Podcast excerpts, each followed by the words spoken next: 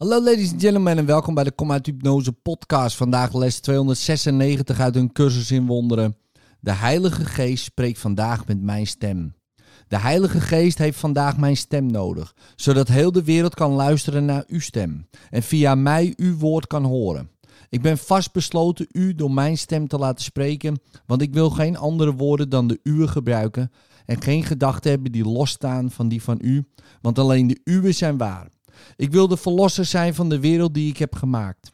Want omdat ik haar vervloekt heb, wil ik haar bevrijden, zodat ik een uitweg kan vinden en het woord kan horen dat uw heilige stem vandaag tot mij spreken zal. We onderwijzen vandaag alleen wat we willen leren en anders niets. En dus wordt ons leerdoel er één zonder conflict, dat makkelijk bereikt en snel volbracht kan worden. Met hoeveel blijdschap komt de Heilige Geest ons verlossen uit de hel, wanneer we Zijn onderricht toelaten de wereld via ons ertoe te bewegen om het makkelijke pad naar God te zoeken en te vinden. In liefde, tot morgen.